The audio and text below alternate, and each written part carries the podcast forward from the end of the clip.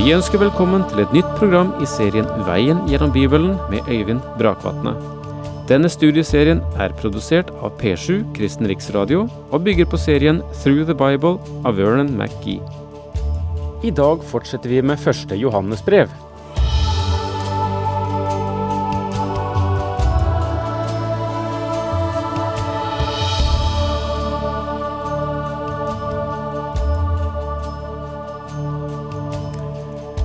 På det punkt der vi nå befinner oss i eh, 1. Johannes brev i kapittel 2, tar Johannes opp noe av det som er en trussel for en levende kristen tro og for samfunnet med Gud og Hans Sønn Jesus Kristus.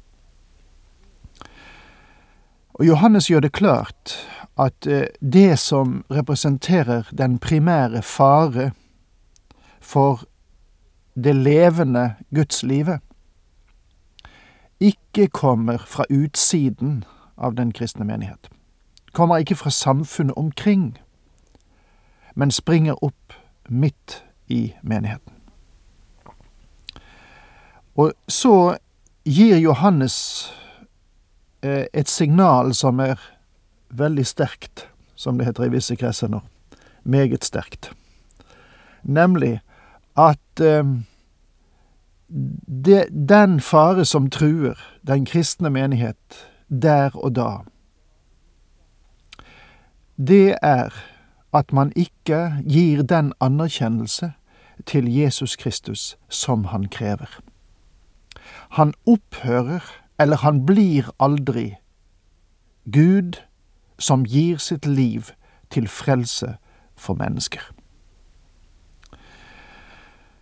Og du forstår at Kristi guddom er vesentlig for at du og jeg skal eie frelse. For om han ikke er Gud, så kan ikke den mannen som døde på et kors for 1900 år siden, være din frelser. Han kan ikke engang være sin egen frelser. Ingen av oss som mennesker kan dø for en annen i den betydning at det skulle bety frelse for noen. Det var nødvendig for Gud å bli menneske for at du og jeg kunne vinne frelse og forløsning. Og derfor sier Johannes, som vi siterte i et vers før vi avsluttet sist, og det står i 1. Johannes 2, vers 23, følgende, Den som fornekter Sønnen, har heller ikke samfunn med Faderen. Den som bekjenner Sønnen, har også samfunn med Faderen. Og om du sier, eller når du sier, at du tror på Gud, men fornekter Kristi guddom, da tror du egentlig ikke på Gud. I alle fall ikke Bibelens Gud. Bibelens Gud er den som sendte sin sønn til verden for å dø for våre synders skyld, og siden Sønnen er Gud, så er også Han den eneste som kan gi et tilfredsstillende offer for Gud for våre synder. Hvis han hadde vært en annen enn Gud, ville han selv ha vært en synder. Og det grunnlaget er ikke et mulig utgangspunkt for å finne frelse. Og dette forholdet, mine venner, må vi være oppmerksom på, for dette sier Johannes, ikke jeg, sier Johannes, dette er antikristens ånd. Og jeg vil gjerne si at dette er et så viktig vers at du trenger å lære det utenat og grunne på det både vel og lenge. Og la oss sitere det igjen. Den som fornekter Sønnen, har heller ikke samfunn med Faderen. Den som bekjenner Sønnen, har også samfunn med Faderen. Og la oss nå gå videre. La det som dere har hørt fra begynnelsen, forbli i dere. Dersom det dere har hørt fra begynnelsen blir i dere, vil også dere være i Sønnen og i Faderen.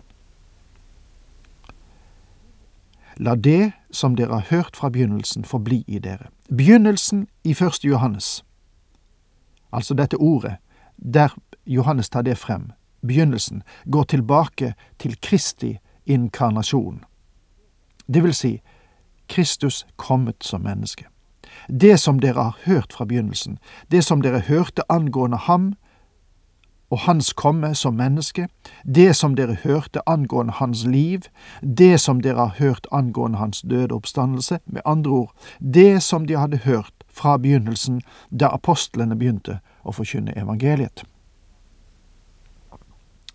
Dersom det dere har hørt fra begynnelsen blir i dere, vil også dere være i Sønnen og Faderen. Jeg kjenner en mann som er vunnet gjennom dette radioprogrammet Veien gjennom Bibelen. Og hans liv ble vendt om som en hånd. Han tok imot Kristus som sin frelser. Da han var vunnet for Gud, bestemte han seg for å besøke alle sine klassekamerater fra folkeskolen, for å tale med dem om hva han hadde opplevd, og om mulig vinne dem. Flere er allerede vunnet, og jeg takker Gud for vitnesbyrdet gjennom denne mannens liv, for Johannes sier at om du blir i ham, så er det en bekreftelse på at du er et Guds barn. Det er derfor vesentlig å ha en levende tro som hviler i den ene som kom til denne jord for mer enn 1900 år siden. I sitt evangelium skrev Johannes Ordet ble menneske og tok bolig blant oss. Det er Johannes eh, evangeliet kapittel 1 vers 14. Og det er en veldig setning og et revolusjonerende innhold. Ingen har noen gang sett Gud, men den enbårne Sønn, som er Gud, og også er i Faderens favn, han har vist oss hvem han er, sier Johannes videre i det kapittel, vers 18. Han har vist oss exegeomai, eksegert eller tolket Gud. Ja, det er det, det er det greske ordet for det. Han har ført Gud frem der vi kan kjenne ham, for Gud ble menneske. Og det er den eneste måten du og jeg kunne kjenne ham på. Vi kan nå kjenne Gud. Det viktige i hele denne delen av Skriften er samfunnet med Faderen og med Sønnen. Og vekten ligger her ikke så mye på å ha liv i Kristus ved tro på ham, men vekten ligger på å ha fellesskap og glede som omgangen med ham gir, og som er så vesentlig. Og dette er det han har lovet oss, det evige liv. Den eneste livsform Gud tilbyr, er evig liv. Om du mister det i morgen eller neste uke eller neste år, så er det ikke evig liv du har. Det er en annen form for liv, men ikke evig liv. Jeg har skrevet dette med tanke på dem som fører dere vill. Føre vill, det betyr å lede på avveier, å lede bort fra sannheten. Og jeg tror at forførere er et godt ord her, fordi det brukes på samme måte både på det fysiske og åndelige området. Med andre ord leder du et menneske til å begå åndelig hor når du leder dem bort fra sannheten, når du forfører dem.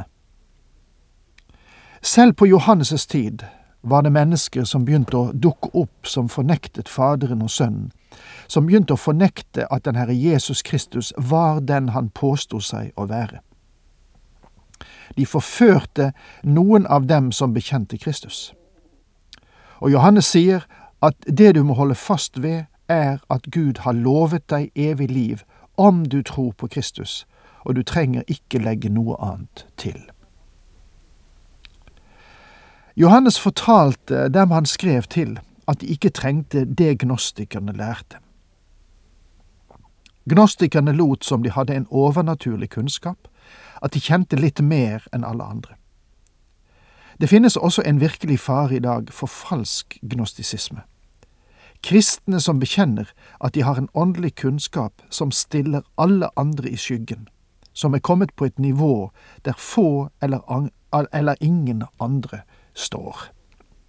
En slik posisjon er meget farlig å komme i, for om du lærer Kristus å kjenne og begynner å vokse i nåde og kunnskap om ham, så vil du få den samme erfaringen som døperen Johannes hadde, og som han uttrykte på denne måten. Han, nemlig Kristus, skal vokse, men jeg skal avta.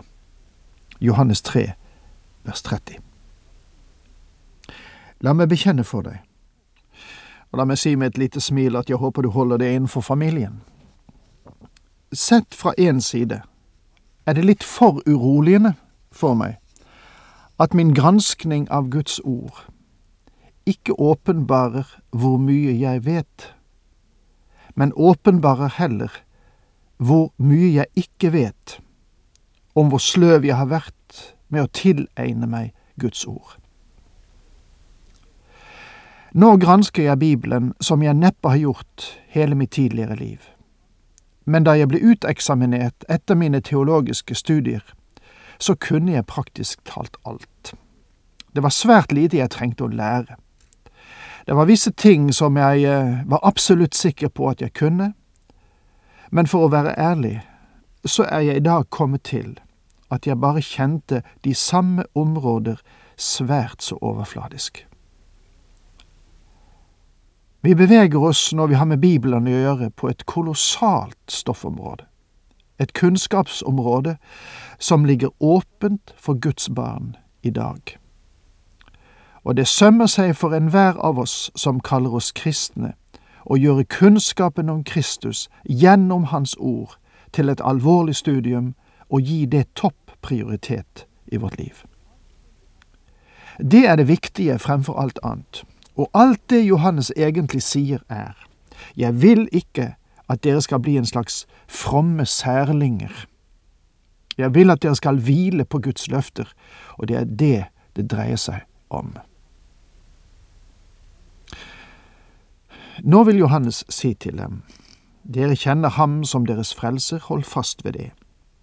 Men nå ønsker dere også å ha kommunion, fellesskap med ham og Faderen, og gjennom dette fellesskapet også ha fellesskap med andre troende. Og da fortsetter med å si, men dere har mottatt salving av ham. Den blir i dere, og dere trenger ikke at noen lærer dere, for den lærer dere om alt og er sannferdig og uten løgn. Bli da i ham, slik hans salving har lært dere. Salving, det er det greske ordet karisma, eller karisma. Vi taler om en bestemt person eller en taler som har særlig, en særlig karisme. Om man ikke har karisme, så kommer man ikke så langt i dag. Det må du erkjenne. Men går vi tilbake til roten av dette ordet, så betyr det å stryke på. Det betyr å ta en salve og smøre den på. Det er som å ta mentolatum, eller som i gamle dager, slo hans liniment og kline det på. Du salver deg selv, du smører det på. Og det er det karisma bokstavelig betyr. Karisma betyr å smøre på. Nå kan du jo reflektere litt over det til neste gang vi møtes, for nå er tiden ute. Takk for nå. Herren med deg.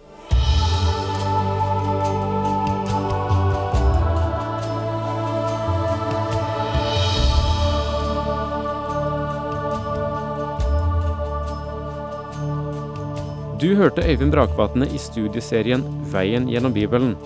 Serien bygger på et manus av Vern McGee. Har du spørsmål eller kommentarer til programmet, kan du sende en e-post til vgb krøllalfa p7.no. Takk for i dag, og på gjenhør.